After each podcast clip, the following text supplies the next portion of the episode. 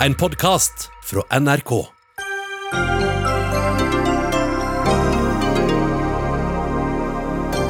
Norwegian er reddet fra konkurs, men selskapets framtid er fortsatt svært usikker. Fagforeningen Parat ber om mer økonomisk støtte fra staten. Universiteter innfører smittevernskurs for ansatte som skal tilbake på kontorene sine. Vi er ikke barnehagebarn, sukker en frustrert professor. La krisepengene gå til det grønne skiftet og ikke til nye oljefelt som verden ikke trenger, mener Jens Ulltveit Moe, men får ikke med seg Høyre.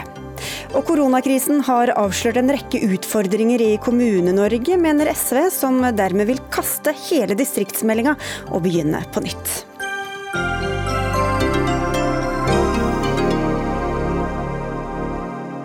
Ny dag og ny uke også for Dagsnytt 18, hvor vi også skal diskutere tilbudet til unge som risikerer å havne som uføre. Jeg heter Sigrid Solund. Nesten 3 milliarder kroner i lånegarantier til flyselskapet Norwegian, det stiller altså staten opp med. I dag stemte aksjonærene ja til en kriseplan som skal berge selskapet fra konkurs, og dermed oppfyller Norwegian kravene til statlig støtte. Men det må mer til for å berge norsk og skandinavisk luftfart, skriver du på NRK Ytring. Cecilie Langen Becker, du er økonomikommentator her i NRK.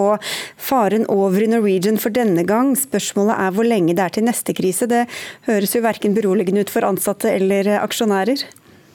Eh, nei, men jeg tror ikke heller det kommer noen, som noen stor overraskelse at jeg skriver det. Poenget er vel at eh, ja, man får tilgang til 2,7 milliarder kroner nå, og det kommer vi selvfølgelig veldig godt eh, med.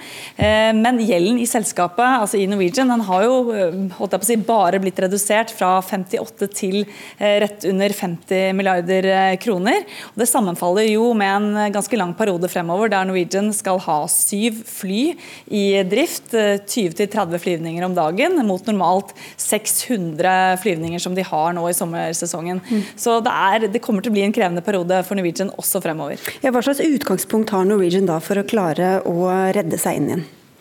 Ja, altså de, det, er veldig, det, er veldig, bra at de har fått på plass eh, disse, dette kriselånet, men det skal jo Men som sagt, med 50 milliarder, eh, eller rett i underkant av 50 milliarder eh, fortsatt i gjeld, så skal jo også den gjelden betjenes. Og Da må man jo passe på kostnadene. Det ser ut som de har en god plan for det. De skal nå ha syv fly i drift helt frem til langt ut i neste år. og Det tror jeg også er, en, er veldig viktig at de nå ikke øker kapasiteten for raskt, selv om smitteverntiltakene og reiserestriksjonene etter hvert hvert blir opphevet. At man holder seg på et eh, lavt nivå inntil man faktisk ser at det kommer en etterspørsel der fra passasjerene. Og når det skjer, det, det vet man jo ikke. Men, eh, men, det er jo varigheten av disse tiltakene som kommer til å avgjøre. Og det kan hende at de kommer til å trenge mer støtte eh, i løpet av høsten-vinteren. Og Dere etterlyser også mer, Unn Kristin Olsen, du er leder av fagforeninga Parat, som organiserer 40 000 ansatte. altså Mange av dem jobber i luftfarten. Men hvorfor er dette noe det offentlige skal, eh, skal være med å redde i det hele tatt? Eh, vi er helt avhengig av å ha en eh, stabil luftfart i Norge. Norge er et langstrakt land, så vi er avhengig av å ha fly som flyr i Norge.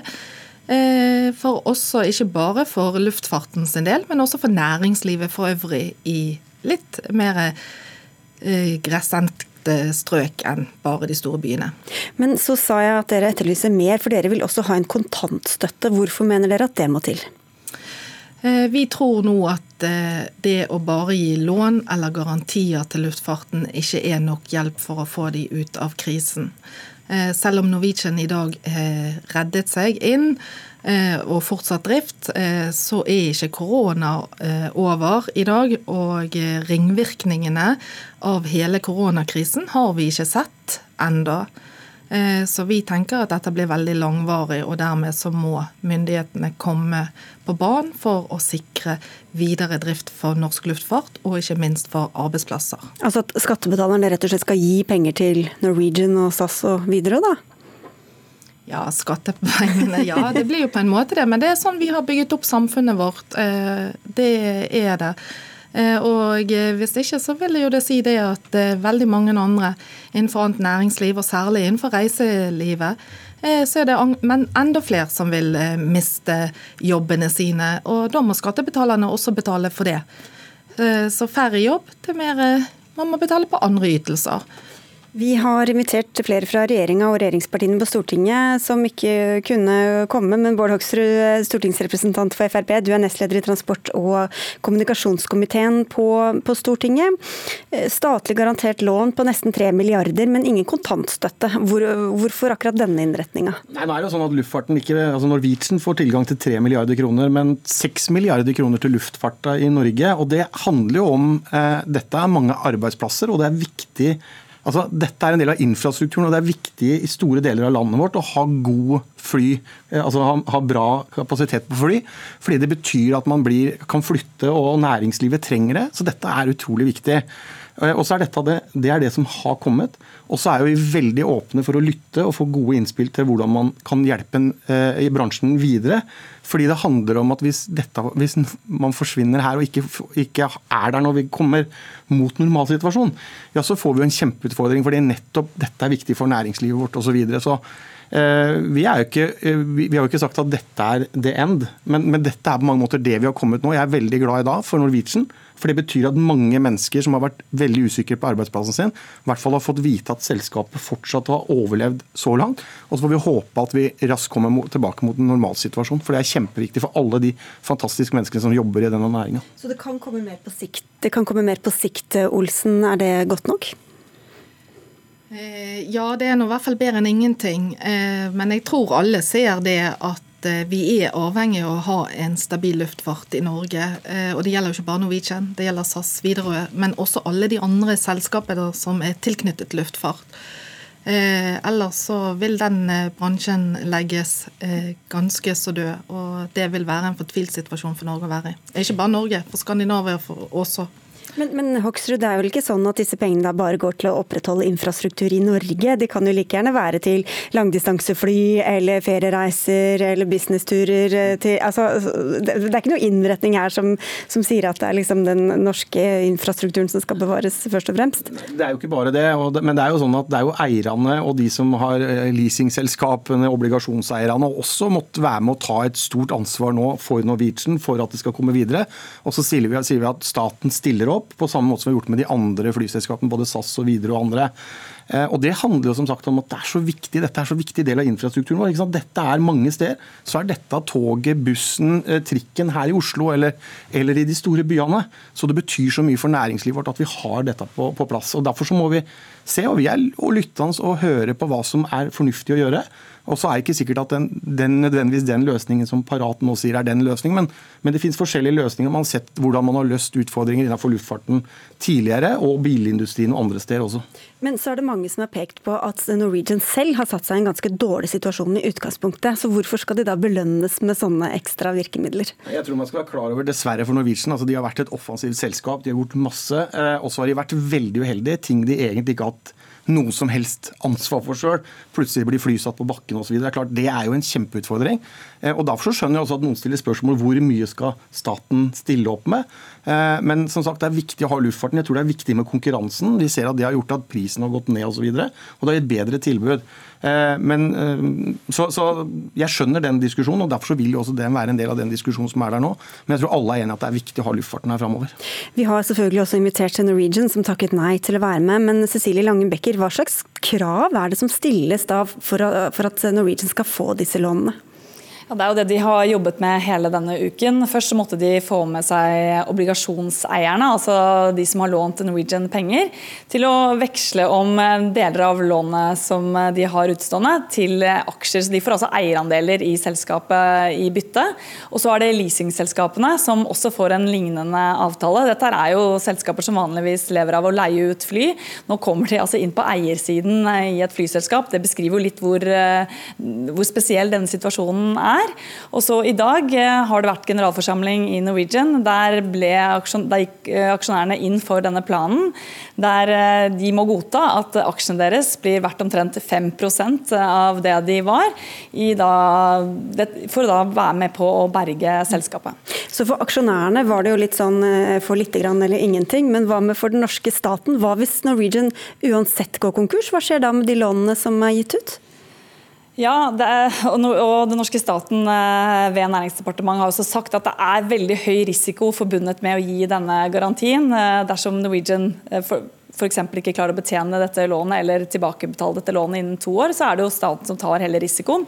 Også dersom Norwegian går konkurs. Så, så det er jo ikke uten en viss å si, indirekte kostnad som staten går inn i dette her med.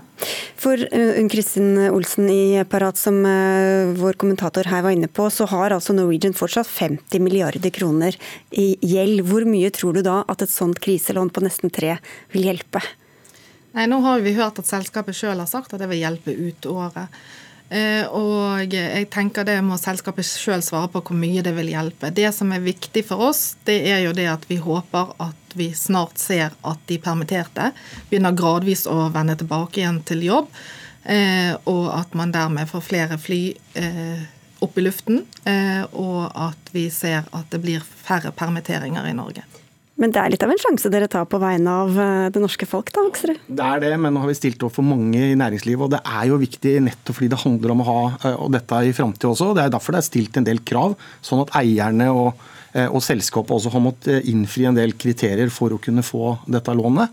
Men det er ikke tvil om at det er en risiko, eh, og det kan, kan ytterste konsekvens vi miste. Men vi håper og tror jo da at, at med den struktureringa som Norwegian nå har gjort, så er, vil selskapet klare seg over dette, og at vi kommer tilbake. Vi er, Fremskrittspartiet er veldig glad i luftfarten, så vi jo, ønsker jo å være med og bidra på en positiv måte for at de selskapene skal være der når vi kommer mer tilbake til normalsituasjonen.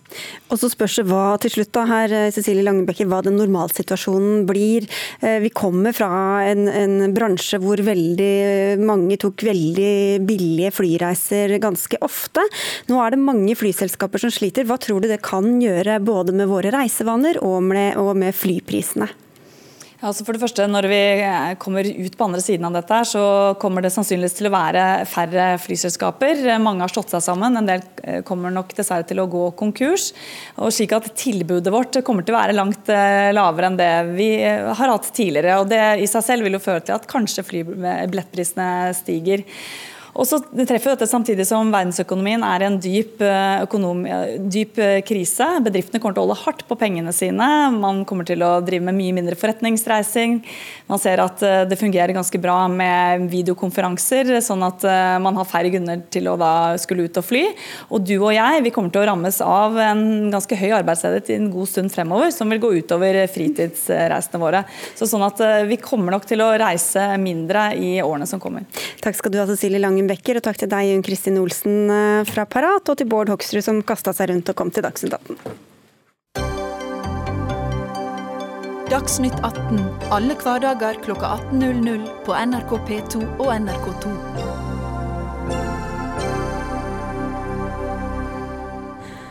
Sakte, men sikkert åpner utdanningsinstitusjoner i Norge, men ikke helt uten forholdsregler. På universitetene i Bergen og Oslo må de ansatte ta et nettbasert smittevernkurs før de får vende tilbake til kontorene sine. Det skrev universitetsavisa Krono før helgen. Kristian Gundersen, du er professor i biologi ved Universitetet i Oslo. Du kommenterte dette på nettstedet Twitter og skrev bl.a.: Er dere blitt helt gale? Skal en historiker som skal bruke sitt ene kontor måtte ta smittevernkurs. Men hva er det som er så ille ved å ta et sånt lite kurs? Altså, for det første vil jeg jo si at Det er jo ikke kanskje vi som jobber på universitetene som er verst rammet av denne krisen. Det er det ikke. Eh, men jeg syns ikke noen i den situasjonen vi er skal utsettes for tiltak som ikke er nødvendige. Og jeg syns slett ikke vi skal utsettes for tiltak som da handler om at ledere skal vise handlekraft eller ha ryggen fri og sånne ting. Eh, og Det tror jeg det er store elementer her. For dette med smitte, eh, altså smittekurs, håndvaskkurs, det er bare toppen av isfjellet. Universitetene har her lagt seg, ikke bare Universitetet i Bergen, eh, Universitetet i Oslo også, har lagt seg på en ekstremt byråkratisk, topptung, firkanta måte å gjøre det på. Og de viser de ansatte en total mangel på tillit, som jeg syns er veldig problematisk. Er, vi kan komme tilbake til det overordnede, men bare litt til om det, om det, kurset. fordi Du er jo biologiprofessor. Du skjønner sikkert eh, godt hva du skal gjøre og ikke gjøre når du kommer og når du tar i dørhåndtak og når du skal sette deg på kontoret. Men hva med alle andre som ikke har dette like mye under huden som deg? Nei, det, Jeg vet ikke om jeg har det under huden, jeg heller. Men, men altså, det, dette er jo nokså enkle ting. Jeg kan jo gå på kafé uten å gå på smittekurs. Det er antagelig mye farligere. Men jeg kan altså ikke gå til cellekontoret mitt uh, uten å ta dette kurset. Du kan si at Grunnen til at det var så irriterende, var at det utsatte jo da oppstart for en del av, av stipendiatene hos oss. fordi plutselig, i siste liten, så kom det som et obligatorisk pålegg. Og det skulle registreres, og det skulle være eksamen osv. Det er ikke liksom bare å se det. Kunne ikke dette være et tilbud, da? Mm. Dag Rune Olsen, du er rektor ved Universitetet i Bergen, og det var din eh, tweet som Gundersen opprinnelig mm, svarte på. Hvorfor skal professorer behandles som barn, da? Professorer skal ikke behandles annerledes enn eh, folk flest i dette samfunnet. Og For oss så handler det om å ta helse, miljø, sikkerhet på alvor. I denne sammenhengen så er det jo da koronasituasjonen. Eh, vi har naturligvis brannvernkurs for våre ansatte. Og i denne tilfellet her så laget vi et 10-15 minutters, eh, kurs på, på nettet som er, handler om de praktiske forhåndsreglene vi kan ta. Litt opplæring om, om, generelt om smittevern og hva du helst bør gjøre. Så langt så har 2300 hos oss har tatt det på norsk og 400 på, på engelsk, og det har blitt veldig godt mottatt. Og jeg tror det er fordi at folk gjerne vil eh, lære litt. Og det er faktisk noen biologiprofessorer som, også, som var på, ute på internett og sa ja, men her har jeg jo til og med lært noe, og var begeistret for det. Men det er vel eh, stort sett de samme forholdsreglene som Folkehelseinstituttet og de samme retningslinjene. Så tror du ikke folk har fått med seg det? Nå har vi holdt på med denne situasjonen i, i to måneder snart. Ja, dette fra vår ståsted var en eh, måte å tilrettelegge informasjonen på en kort og grei måte, slik at den var lett å få tak i. Så det letter jo hverdagen for folk. Og hva er det som er så farlig med det? Altså, det er, dette letter ikke hverdagen for folk. Eh, nå har altså universitetene for de ansatte da, eh, vært altså Statsråden sa allerede 26.3 at de ansatte på universitetene, professoren skal ikke behandles noe annerledes enn andre folk, men vi vil gjerne behandles som voksne, vi også. Og, og, Da sa statsråden at skulle, forskningen skulle på en måte gå som på andre arbeidsplasser. og Da har jeg hørt fra andre forskningslaboratorier, andre arbeidsplasser, så er det ikke denne barnepikementaliteten. Og Det har vært veldig hemmende, eh, særlig for mine yngre medarbeidere. Altså Dette med hjemmekontor er det skal brukes så mye som mulig, det er helt enig. og Ganske mye kan man gjøre der, men folk har barn. Der, der barnehagen har vært stengt. Folk bor i trange leiligheter. Eh, sånn at jeg vil si at For min forskningsgruppe så har vi kanskje hatt en produktivitet som var nede i en tredjedel av det vi ellers ville hatt. og Det var ikke nødvendig.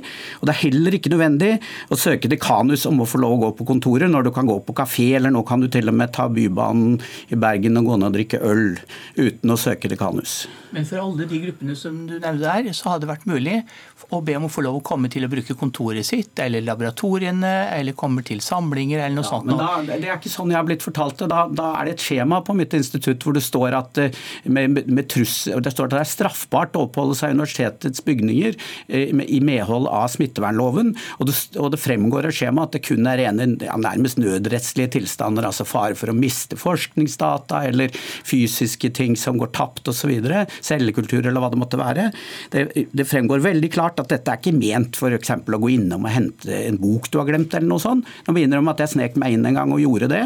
Det var altså da ifølge min ledelse eh, straffbart, og, og, men det var nødvendig for å få gjort det jeg skulle gjøre. Altså Verden er ikke liksom sånn at du, du har tid til å søke. Ikke straffbart, straffbart, det tror jeg ikke noe tvil om. Og ved ditt uh, universitet og ditt fakultet så har jeg snakka med din rektor for time siden, og på ditt fakultet så er ca. 600 i tillegg til de som som er helt eh, avgjørende for daglig drift, har tilgang der i større eller mindre grad for å gjøre sin forskning. Så veldig mange av de gruppene som du snakker om der, de har hatt mulighet til tilgang uten eh, veldig store byråkratiske eh, formularer, så vidt jeg forstår. Du, du sier til Krohn Olsen at Gundersen ikke utviser lagånd. Hva mener du med det? Jo, nei, Det var fordi at eh, han sa at dette undergraver lagånden å ha et sånt kurs.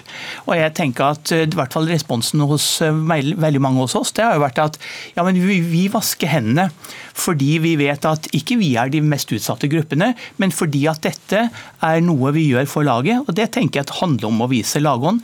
En liten undersøkelse fra Universitetet i Bergen fra det som heter Medborgerpanelet i, i går eller i dag, viser at veldig mange i samfunnet de tror ikke selv at de er eh, spesielt utsatt for covid-19.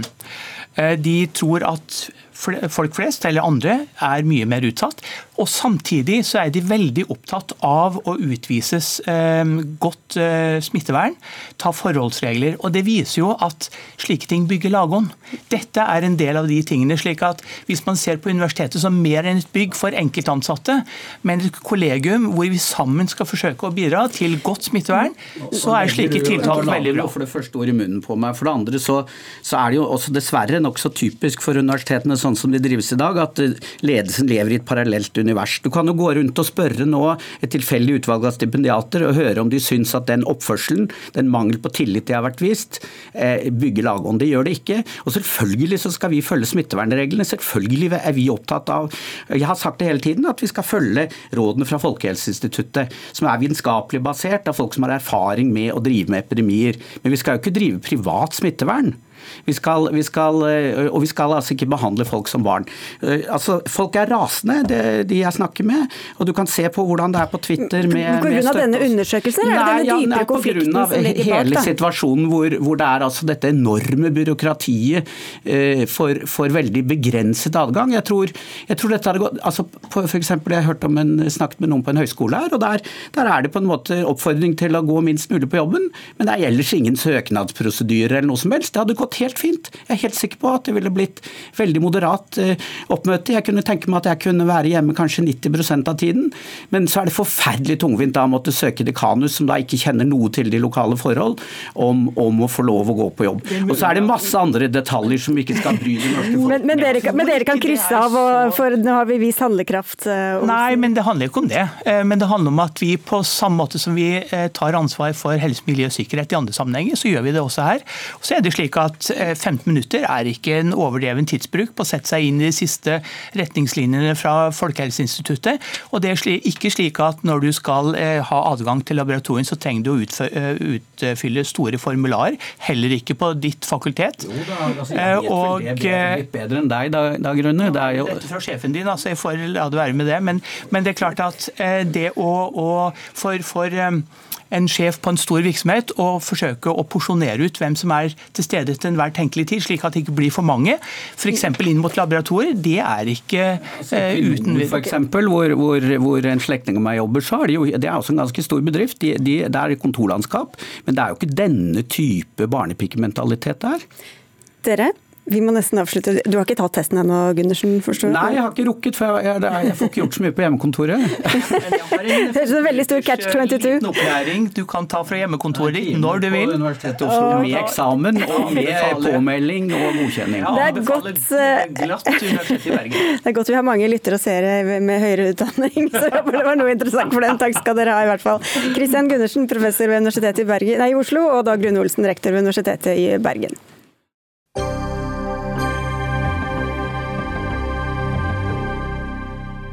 Snart her i Dagsnytt 18 skal vi snakke om ungdom som faller uten og utenfor, og om tilbudet de får eller ikke får. Men før det skal det handle om noe helt annet. La krisepengene gå til det grønne skiftet, og ikke til nye oljefelt vi ikke trenger. Det er budskapet fra vår neste gjest, og beskjeden kommer etter at regjeringa la fram nye krisetiltak for olje- og gassnæringa for noen få dager siden. Det viktigste grepet er utsettelse av skatteregninga for olje- og gassnæringa og for leverandørindustrien, som da skal redde arbeidsplasser. Men du er kritisk til dette i et eh, innlegg i Dagens Næringsliv, Jens Ultveit Moe. Du er styreleder i Skift, næringslivets klimaledere bl.a. Hvorfor mener du det blir feil eh, av regjeringa å komme med denne utsettelsen? Jeg tror det er helt feil å satse penger på mer oljeproduksjon nå. Nye felt. Og jeg syns de gjør det på en veldig rar måte. Det er en 80 milliarder skattelette eh, som næringen hevder at vil, vil bli betalt tilbake. Det avhenger både av at de finner olje, og at oljeprisen er høy nok. Eh, sånn at her er det jo sannsynlig, etter mitt syn, da, for å tape ganske store penger. Forrige gang vi hadde en slik pakke i 2014, så tapte staten 10 milliarder. Her er det jo ikke snakk om å tape de 80, men en god del av dem frykter jeg at vil bli tapt, og dette er ta risiko med fellesskapets penger. Men det gjør vi jo på veldig mange andre områder nå. Vi snakket akkurat om Norwegian og om flybransjen. Skal man da la alle disse her arbeidsplassene bare gå tapt? Absolutt ikke. Men det er snakk om ganske få arbeidsplasser. Oljeproduksjonen i Norge er 52 000 arbeidsplasser. En tiendedel av hva vi har i helse og omsorg. Eh, de vil fortsette. Fordi at produksjonen av olje på norske felt vil fortsette i mange tiår. Det som er utfordret, er jo de 100 000 eller så arbeidsplassene som er i leverandørindustrien. De har en stor utfordring. Men den utfordringen bør vi ikke løse ved at de skal lage enda mer av oljen som ødelegger kloden. Den utfordringen bør være slik at de kan skifte over et grønne skifte, og det kan de. Dette er en næring med stor teknisk kunnskap. Det er en næring med stor evne til omstilling, og det må vi sørge for at de gjør. Ikke at de arbeider enda mer med oljen. Og det er viktig, det er veldig viktig at, at de pengene ikke går i oljen. fordi at Går de her til leverandørindustrien og ikke til oljen, så blir det åpnet rom for å bygge en grønn næring. Eh, og det er det vi virkelig trenger. Jeg skal gå til deg, Stefan Heggelund. Du sitter i energi- og miljøkomiteen på Stortinget for Høyre. og Du har sikkert gode mm, argumenter for at dere gir disse pengene. Men bare for å høre først, du, når du hører på Jens Ulltvedtmo, hvor i hans analyse er du uenig? Det, altså det jeg er enig i, er at vi skal ha en omstilling av norsk økonomi. Vi skal bli mindre oljeavhengig. Vi trenger også en omstilling på sokkelen. Og så mener jeg at for at vi skal få det til, så må vi også ivareta de arbeidsplassene som må være en del av denne omstillingen. Og da er arbeidsplasser i petroleumssektoren, men også i leverandørindustrien, som Ultveit Moe er inne på her, helt relevante. Eh, og alternativet, altså det som kan men, men, men hvor, hvor tar han feil i det han sier? Ja, Han tar feil fordi han, når han sier at hvis vi skal ofre alle disse arbeidsplassene gjennom en krise som bedriftene ikke har noen kontroll over, og hvor vi for øvrig også skal si at petroleumsnæringen, som er den viktigste næringen for eh, norsk økonomi, fremdeles og vil være det også fremover. Eh, hvis vi skal ofre disse arbeidsplassene, ja da eh, så vil vi miste verdifull kompetanse som vi trenger i omstillingsarbeidet. Og det som kan skje altså for Det dette handler om, er vedtatte og planlagte prosjekter som under normale omstendigheter ville vært lønnsomme, men pga. smittevernstiltak og den globale markedssituasjonen er vanskelige. Eh, hvis vi ikke bistår her, så vil vi altså kunne risikere å skade hele verdikjeden i den norske næringen. Det betyr at leverandørindustrien f.eks., bedrifter der, kan gå konk eller flagge ut. Og hvis det skjer, så har vi mistet den kompetansen for alltid. Der er jeg helt uenig. Jeg sa, ikke, jeg sa at de 50 000 arbeidsplassene som er i produksjonen av olje, de vil fortsette. De vil gradvis gå ned.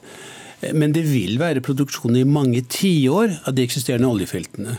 Tina Bru sa for en halvtime siden på NRK at norske oljeselskaper tjener penger på 26 dollar. Så det vil skje. Der hvor det må omstilling til, er leverandørindustrien. Det er de 100 000 jobbene, og vi må ikke la de være bundet inn i en næring eh, som har sviktende etterspørsel. Jeg syns argumentet er veldig rart på at vi skal bygge mer olje for å få det grønne. Det er litt som å si at man må gi pasienter sigaretter for at de skal få, få lungekreft, for da kan vi forske så fint på kreften men, men, men, men, Heggelund. Jeg strevde for å finne et bilde, men Du tok, du tok det på sparket, skjønner vi. Nei, men, men iallfall poenget her, Heggelund, er vel begge er opptatt, eller alle er opptatt av leverandørindustrien, som man da satser på for at de skal begynne å jobbe med andre ting. Så hvorfor skal man da binde dem til denne bransjen, og hvem skal da jobbe med å få oss over i det grønne skiftet som du snakker om? Altså, det er flere momenter her. For det første er det ikke sånn at de vil bli bundet bare til denne bransjen. Får Får man bestillinger f.eks. på havvind, så vil jo også selvfølgelig det være interessant for leverandørindustrien. Det er grunnen til at vi allerede har brukt fra Enovas side 2,3 milliarder kroner, eller i tilsagn som det heter, om 2,3 milliarder til det flytende havvindprosjektet som heter Hywind Tampen, som også er en del av omstillingen av hele sokkelen. Men det er altså den situasjonen vi er i nå den eh, er såpass krevende at risikoen her er at hvis ikke disse planlagte og vedtatte prosjektene kan gjennomføres, som sagt under normale omstendigheter er lønnsomme, gode prosjekter, så mister vi mye kompetanse i leverandørindustrien. De kan flagge ut eller gå konkurs. Og det vil også skade den grønne omstillingen. Men så mener jeg at denne tiltakspakken også må ses i sammenheng med den tiltakspakken for klima som regjeringen også har kommet med, som både gjelder forskning og utvikling, grønn skipsfart, ytterligere styrke det som er viktig for verftsindustrien nå, og styrke, eh, og styrke Enova, som kanskje er vårt viktigste klimapolitiske virkemiddel. Men ellers så har jo dere sagt at det som skal få oss mindre oljeavhengig i hele verden, er, er eh, at etterspørselen etterspørselen skal gå ned. Mm. Men her tar jo grep også for å sikre eh, tilbudet, og ikke bare etterspørselen. Altså, dere... hva, hva, mente du nå? jo, dere, dere sørger jo for å få et mer tilbud enn det markedet ellers ville ha sørget for. Nei, fordi at eh, som sagt, under normale omstendigheter så ville dette vært lønnsomme og gode prosjekter. Og vi gjør dette for å ikke knekke verdikjeden i den norske næringen. Og det er også viktig for den grønne omstillingen på sikt. Og så mener jeg, det blir sagt 50 000 arbeidsplasser, at det ikke er så mange. Vel, hvis man snakker om hvor mange petroleumsnæringen i Norge sysselsetter totalt, både direkte og indirekte, så snakker vi et sted mellom 150 og 200 000. Og jeg må jo si at når man sitter i et TV-studio på Marienlyst, så kan det være enkelt å si at man ikke skal gjøre noe for disse arbeidsplassene arbeidsplassene i den krisen vi står i nå. Men jeg mener jo det ville være rart, når vi som samfunn stiller opp for alle andre næringer, at vi ikke skal stille opp for den som fortsatt er den viktigste for norsk økonomi. Jeg syns klart vi skal stille opp. Og jeg har poengtert at vi må stille opp for å omstille leverandørindustrien. Og Grunnen til det er at de 50 000 jobbene i oljeproduksjonen, de er trygge. De er ikke sikkert at det er garantert å ha den ekstra lønnen de har over alle andre nå. Eh, de har ca. 30% mer enn andre arbeidstakere. Eh, men leverandørindustrien må ikke være bundet til det høye lønnsnivået. De må få anledning til å omstille seg. Og det har de vist stor evne til å gjøre. Vi vet det fra forrige krise. Da hadde vi en arbeidsløshet på 8 den gikk ned til 4 i løpet av seks-syv måneder i Rogaland. 57% av dem fant nye jobber i løpet av eh, tolv måneder. Så det er en næring som har vist stor omstillingsevne, som har stor teknisk kompetanse. Og Derfor bør de gå rett i det grønne skiftet. Men Hvordan skal det skje? da? Du sier at du vil redde disse arbeidsplassene, men det, hva slags tiltak er det du vil nei, nei, ha? det er klart. Du har havvind, du har grønn skipsfart, du har elektrifisering. Du har utvikling av energiøkonomisering, du har energieffektive bygg, du har energieffektiv transport. Det er en hel masse ting. Men det er vanskelig å få dem til hvis de skal, ha, eh, vi skal konkurrere med de superbetalende oljeindustrien. Det har vi sett nå i lang tid. Og omstillingen blir da tung. Men det er en, det leverandørindustrien, de 100 000 der, det er jobber vi avgjort må ha. Og vi må sørge for at de ikke følger oljeindustrien ned. Eh, for vi har jo et stort problem, altså vi ser det jo nå på det ekstreme. Men, men oljeindustrien hadde jo problemer før korona. De ble aksentuert av korona. Men vi ser jo store strukturproblemer eh, hvor, hvor Hvis vi går utover i tid, 10-20 år, så ser det jo ut som etterspørselen kan synke. Og den må synke hvis vi skal klare å nå Paris-målene. Ja, så Vi vet at investeringene på norsk sokkel fremover vil falle. Det er det ikke noe tvil om, det er vi klar over. Og Så er spørsmålet om denne krisen skal, skal håndteres på en sånn måte at det fallet blir så dypt og så brått at vi mister verdifull kompetanse. Jeg tror vi må se ting litt i sammenheng her. fordi at Hvis leverandørindustrien skal omstille seg, så må de ha prosjekter Eh, og det er faktisk fortsatt slik at det er Men Hva slags ikke, prosjekter blir det som, som, de får nå da, med denne pakka her? Nei, altså nå er det jo sånn at på sokkelen, så nå er det jo en partsavtale på sokkelen om at næringen skal kutte sine utslipp fra produksjon. Det gir jo enorme muligheter også til omstilling for leverandørindustrien, fordi at man vil trenge f.eks. mer havvind. Men dette er jo prosjekter som må som må bestilles av noen. Og Hvis vi liksom nå skal miste aktivitet på norsk sokkel, altså hvis vi ikke skal gå tilbake til det stadiet man var før korona, også for denne næringen, ja, så vil det bli ja, veldig vanskelig for leverandørindustrien. og da, da, da, mister vi verdifull kompetanse i den grønne omstillinga. Det er en risiko som jeg ikke er villig til å ta. Og jeg er heller ikke villig til å si til arbeidstakerne i petroleumsnæring og leverandørindustri at vi skal bidra for alle andre næringer, men ikke denne. Og jeg er ikke villig til at vi skal bruke fellesskapets penger eh, for å støtte en næring eh, som, som går, har gått opp og ned i lang tid, og hvor en del av deltakerne er veldig profitable. Equinor betaler utbytte. Eh, Sverdrup er ekstremt profitabelt. Stefan, ikke kast bort en god krise.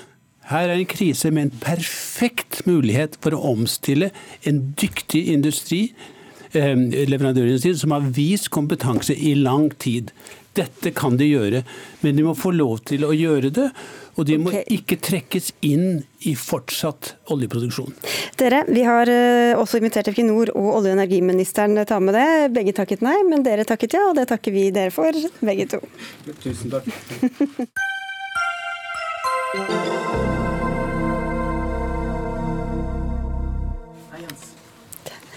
Det er blitt dobbelt så mange unge uføre de siste ti årene. Flere enn 20 000 mennesker mellom 18 og 29 år er nå uføre. Men hva er løsninga? Ribo-stiftelsen i Saltdal i Nordland mener å ha funnet en slags oppskrift på å få unge dropouts tilbake til samfunnet. Forrige helg viste NRK-programmet Helene sjekker inn hvordan de gjør det. Og Sven Roger Jonsplass, du er daglig leder for Ribo. Hva er det dere tilbyr dem som kommer til dere?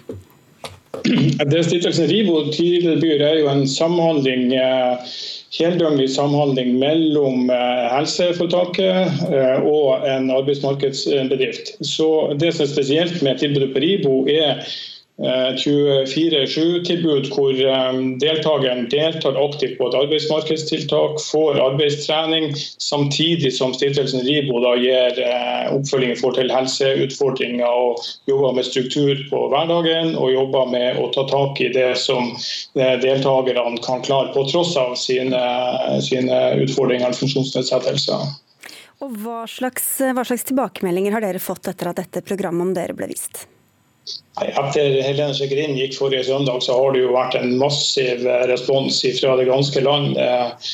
Jeg tror det knapt er et fylke som ikke har vært i kontakt med oss, både fra profesjonelle aktører som lurer på muligheten for å etablere tilsvarende tilbud, men også mange spesielt pårørende til potensielle deltakere, søsken eller foreldre som har en sønn eller en datter eller en bror eller en søster som de tenker kunne nyttiggjort seg denne typen tilbud. Men dette er altså bare tilbud for noen i Nordland. Helene Sandvik, du er programleder her i NRK for Helene Sjekkeren. og Du ble veldig engasjert av dette besøket ditt hos, hos Ribo. Hva, hva var det som gjorde sånn veldig inntrykk? Det som gjorde veldig inntrykk, var å høre ungdommer som kanskje hadde sittet isolert på rommet sitt og hevet penger fra Nav i to, tre, fire år. Og tiltakene funka ikke. Og så kommer de til et sted hvor de får tid til å kjenne mestring, hvor de blir fulgt opp 24-7 i trygge rammer.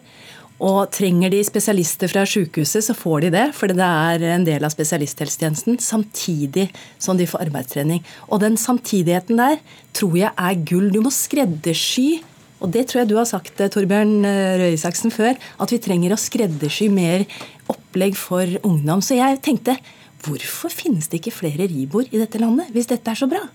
Vi kan jo spille videre til deg, som allerede er halvveis introdusert, Torbjørn Røe Isaksen, arbeids- og sosialminister. Hvorfor skal så få få tilbud om, om, denne type oppfølging? Det er rett og slett fordi at noen har kommet på en god idé ett sted. Og så har de eksperimentert litt og satt sammen forskjellige deler av det offentlige tilbudet på en ny og veldig spennende måte. Så spennende at jeg har tenkt å sjekke inn selv der på et punkt hvor vi får lov å reise litt mer enn vi gjør i dag for å se mer på dette her. Og så er det sånn at det er i utgangspunktet det er ikke noen regler som gjør at ikke andre fra andre deler av landet kan bruke dette. Jeg sjekka litt før jeg kom hit i dag, og det har så vidt meg bekjent også vært noen fra Møre og Romsdal annet, som har hatt plasser.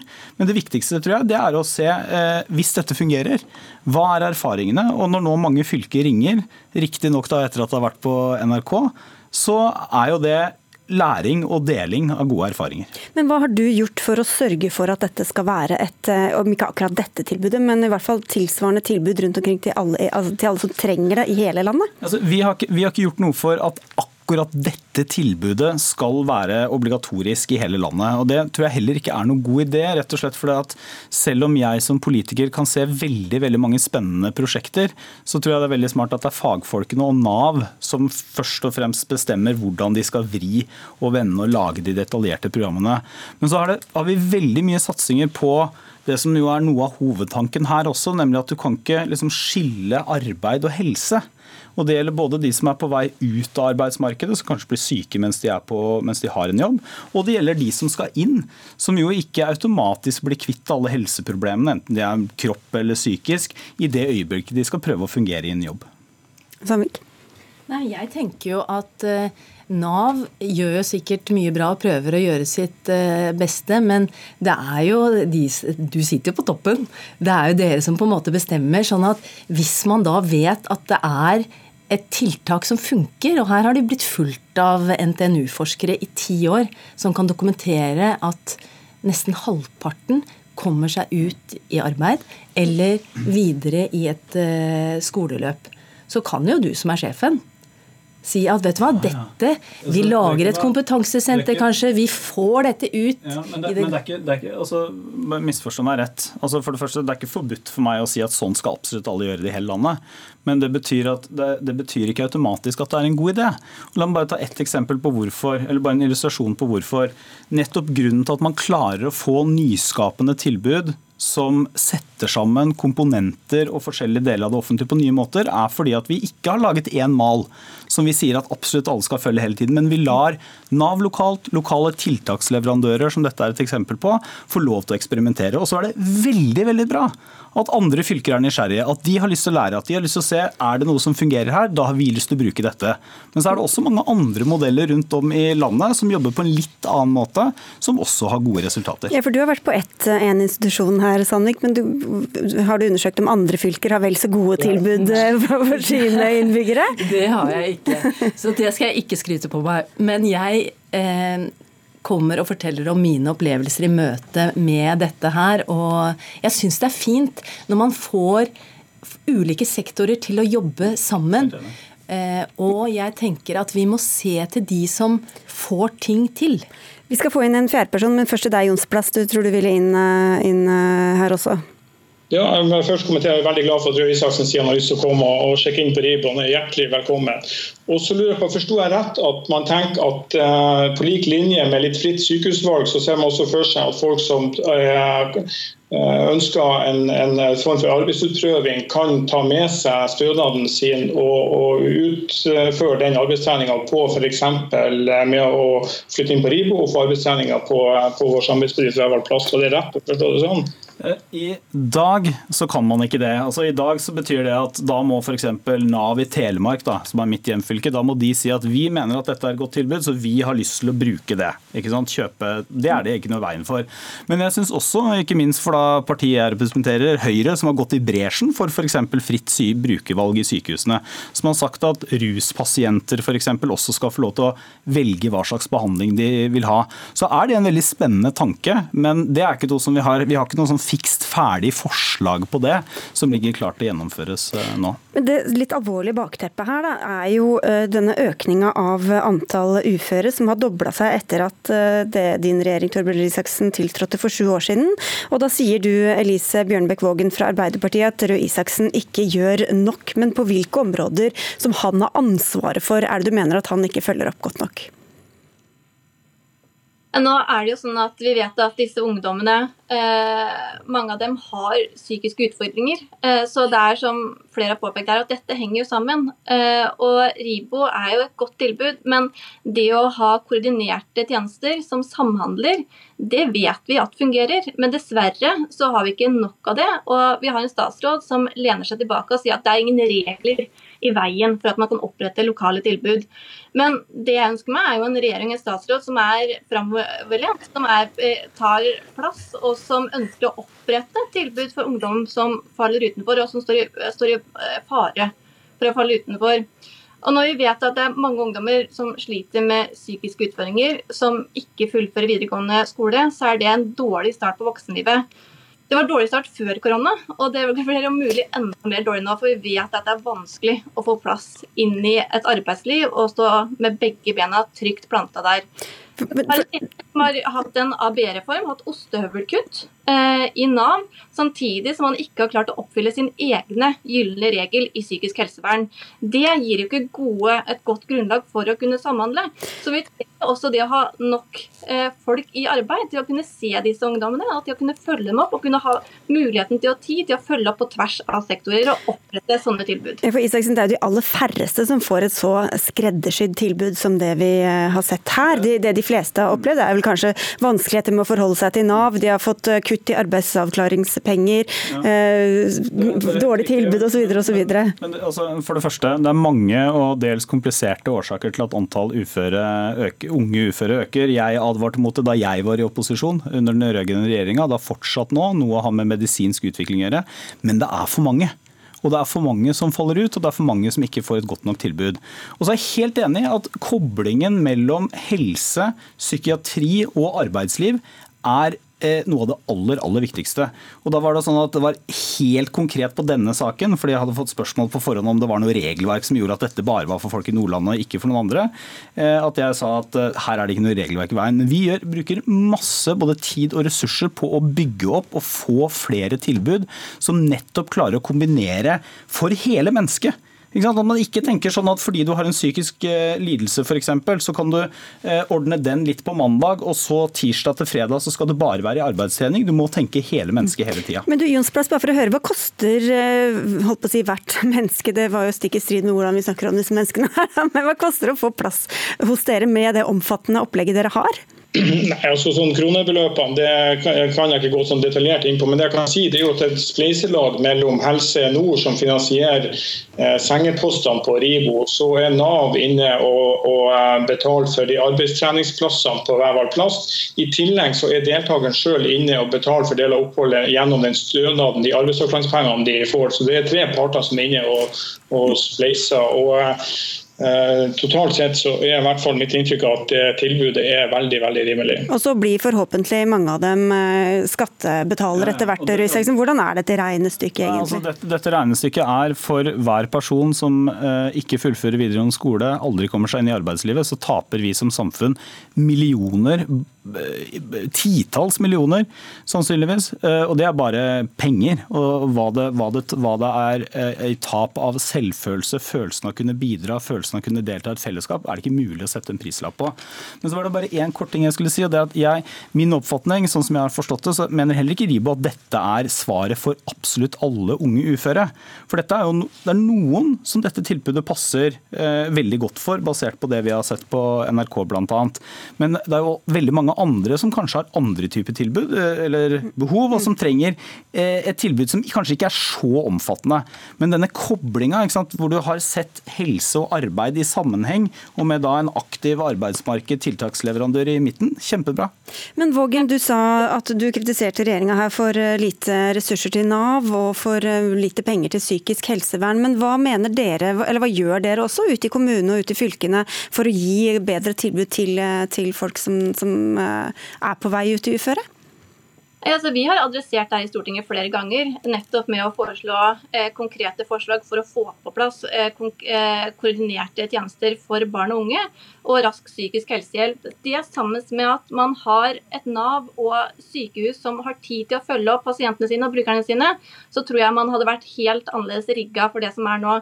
Men jeg reagerer på at man har en statsråd som, som sier at Eh, her, som sitter og er bekymra. Men den bekymringa kunne jo han eh, gjort til aktiv handling. Altså Hva er det han vil gjøre for å få på plass en modell som gjør at det er mulig for helsevesenet og Nav til å faktisk fungere på en mye bedre måte enn det gjør. Men, men godt, ja, hva har du gjort, gjort de siste sju årene, er vel egentlig det store ja, altså, spørsmålet? Jeg har vært arbeids- og sosialminister eh, mye kortere enn det, men hva er det vi har gjort? Vi har eksempel, ja, vi har redusert noe på stønaden til unge AAP-mottakere. Brukt krone for krone på oppfølging fra Nav. Vi finansierer prosjekter nettopp nettopp for å koble helse, landsomfattende, for å koble helse og arbeid tettere sammen. Vi har fornya innsats for sykefraværsarbeidet, som også er viktig. Vi har egne forsterka oppfølgingsløp i Nav sammen med tiltaksbedriftene for nettopp unge som står i fare for å falle ut av arbeidslivet. Eh, så jeg tenkte kanskje eh, istedenfor å starte med den lista, for det, det tror jeg folk ofte syns er litt kjedelig, så tenkte jeg at jeg skulle prøve å snakke litt om saken. Men har, jeg kan godt nevne mer også. Nei, okay. Men det er, det er, noe av det vi gjør, og vi kommer okay. til å gjøre mer. og det er derfor jeg, altså Hvis man sitter som statsråd og liksom slutter å være bekymra, så burde man slutte som statsråd. Ja, Vågen, ti sekunder. Nei, altså det, det, det, jeg hører er at den har sagt at det de har gjort for unge, er at de kutter i stønadene til unge, sånn at unge finansiere sin egne opptrapping i Nav. Men da vi spør statsråden hva betyr dette, hvor mange flere ansatte blir i Nav fra det før, så får vi ingen konkrete svar. Så jeg er sterkt bekymra for at dette bare blir flere ord, flere løfter, men at det ikke kommer til konkret handling de unge som faktisk er der ute. Ok. Du, jeg tror du må holde av mange senger etter hvert her, Sven Roger Ronsplass. Det blir eh, pilegrimsreiser opp til deg etter hvert. Takk skal du ha, og takk til deg, Elise Bjørnbekk Vågen fra eh, Arbeiderpartiet, til Helene Sandvik fra NRK, og til Torbjørn Isaksen, som også er arbeids- og sosialminister. Hør Dagsnytt 18 når du vil. Radio NRK Radio.nrk.no.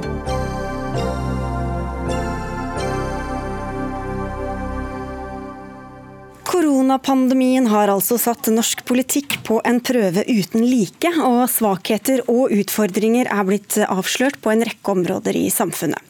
Nå mener du at man må ta konsekvensene av de manglene pandemien har avslørt ute i distriktene, og at dere på Stortinget ikke kan behandle den distriktsmeldinga dere har fått oversendt fra regjeringa, sånn som den ligger i dag, Karin Andersen fra SV. De færreste har vel lest en distriktsmelding. Hva er det som står i den som gjør den så utdatert nå plutselig? Nei, Det ene er at hvis man er opptatt av god distriktsutvikling, så var ikke den eh, stortingsmeldinga noe svar på det fra før heller. Fordi den er jo full av eh, sentraliserende høyrepolitikk fra før. Men nå har vi hatt en eh, koronakrise som har rysta næringslivet i hele landet, og særlig i distriktet. Vi vi veit jo ikke hvordan framtida blir. Og da er det behov for å se på eh, andre virkemidler for å sikre at eh, det er eh, bedrifter i hele landet som kan bidra med de arbeidsplassene som folk trenger. Og Da kan jeg gi noen eksempler på det. Nå har vi jo sett hvor viktig det er med bredbånd f.eks. og god digital tilgjengelighet. Og når vi vet da at det er eh, i sentrale strøk, så er det vel 98% omtrent som har tilgang til det. I distriktene så er det 56% som har det. Og da kan du ikke engang fungere med å ha ungen din på hjemmeskole, og langt mindre å starte en bedrift. Eh, en annen ting som har vist seg, er jo at eh, i krisa også, så er det jo mange småbedrifter i distriktene som ikke har fått hjelp av de krisepakkene som har kommet nå. Vi risikerer at de forsvinner hvis vi ikke eh, støtter opp under dem. Og det må vi gjøre. Men i tillegg til det så har jo altså Jeg vet at jeg skal diskutere med distriktsministeren nå, som har eh, ja, Hun har jo ansvar for dette, men ansvar for veldig lite. Men hun har ansvar for bredbånd, også, så har hun ansvar for det som heter distriktspolitiske næringsvirkemidler. Og der skriver jo regjeringa sjøl i budsjettet, jeg har tatt med meg et bilde av det her, jeg får ikke vist det på TV-en, men det viser at penger vi bruker til bedriftene i distriktene, gir flere arbeidsplasser og større avkastning enn ellers. Og da svarer regjeringa med å kutte i de midlene. Og det er jo liksom, det er denne politikken vi har blitt invitert til å fortsette å være med på. Og det er ikke noe svar på de utfordringene vi har fra før, eller de som nå er enorme etter koronakrisa. For Du er jo ikke bare distriktsminister, Line Hofstad Helland, du er jo også digitaliseringsminister. så Dette burde jo være midt i blinken for deg. Hvordan kan en distriktsmelding laget før koronakrisa være fyllestgjørende, når vi har sett eh, f.eks. hvor viktig det er med denne digitaliseringen og de andre tiltakene som også Karin Andersen var inne på? Jeg syns det er synd at eh, SV og opposisjonen vil eh, utsette distriktsmeldinga, eh, og at vi kanskje opplever at ikke den blir behandla og vedtatt før til jul. Heller, og at de skal utsette en helt ny melding. For vi hadde jo trengt å diskutere utfordringene for distriktene i den situasjonen vi står oppi nå. Og De langsiktige utfordringene som distriktsmeldinga skisserer, de ligger fortsatt fast. Det handler om at utfordringer knytta til at det er færre unge som blir igjen på bygda, manglende kompetanse for de jobbene som er der, eh, og behov for risikovillig kapital for at eh, bedriftene skal få eh, mest mulig aktivitet. Eh, og Da eh, skulle vi jo sett på hva er det nå, eh, når de langsiktige tiltakene ligger på plass, hva kan vi gjøre på kort sikt? Særlig når det kommer til jobber. For Når vi snakker med folk ute i distriktet, bedrifter ute i distriktet, så er jo alle sammen bekymra for å redde arbeidsplassene. At mammaene og pappaene som er der ute nå får muligheter til en jobb, så at man får betalt regningene sine. Så at man får betalt huslønnen sitt. Men, men Helleland, bare et spørsmål, fordi Du sa i forrige uke at hele Høyres program som du leder arbeidet med, må ses på nytt i lys av koronakrisa. Hvorfor gjelder det Høyres program, men ikke for hele distriktspolitikken? Fordi det er et program som skal gjelde i uh, mange mange år uh, framover. I motsetning til distriktspolitikken? Nei, men når distriktsmeldinga ble eh, utarbeidet og lagt fram, så var det en perspektivmelding for distriktene som skisserer utfordringene mange mange år i framover. Man tar inn over seg demografi, behovet for omstilling, manglende kompetanse. Så det er det tatt høyde for.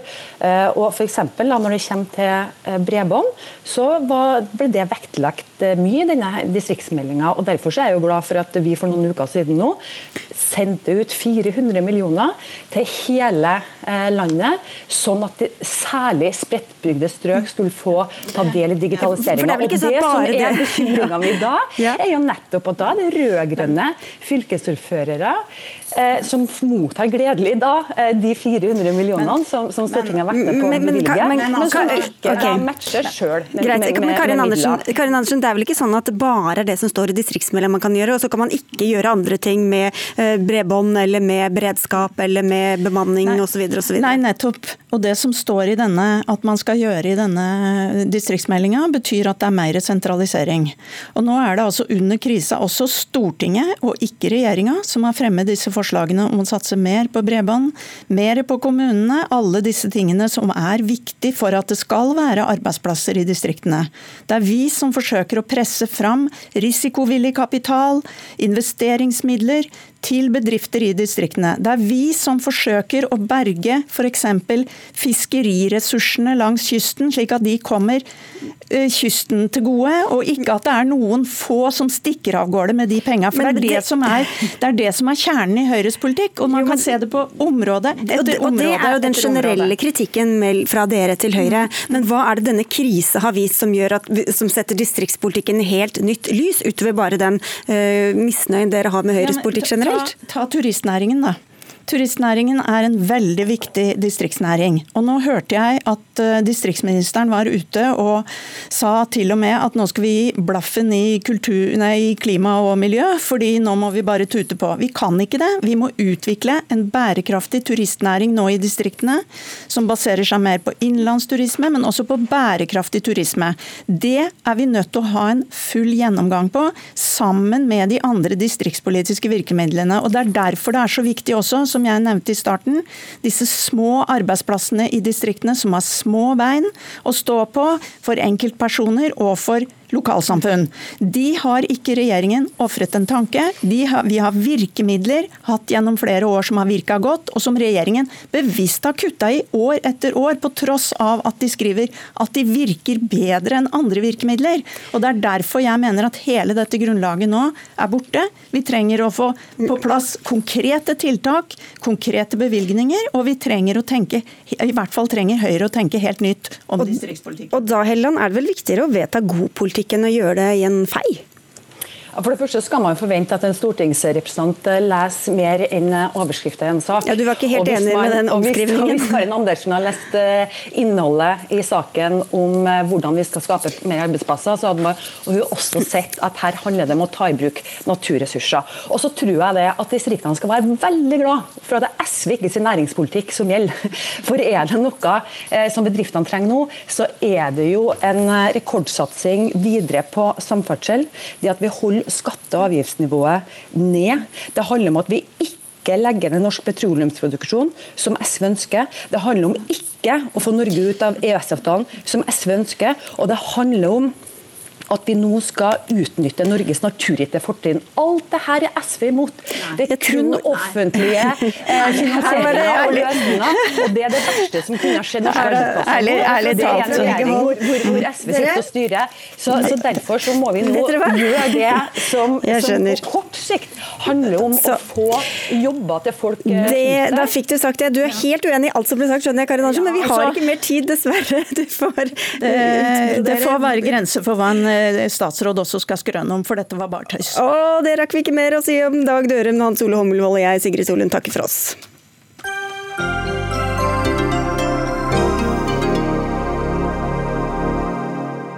Du har hørt en podkast fra NRK. Hør flere podkaster og din favorittkanal i appen NRK Radio.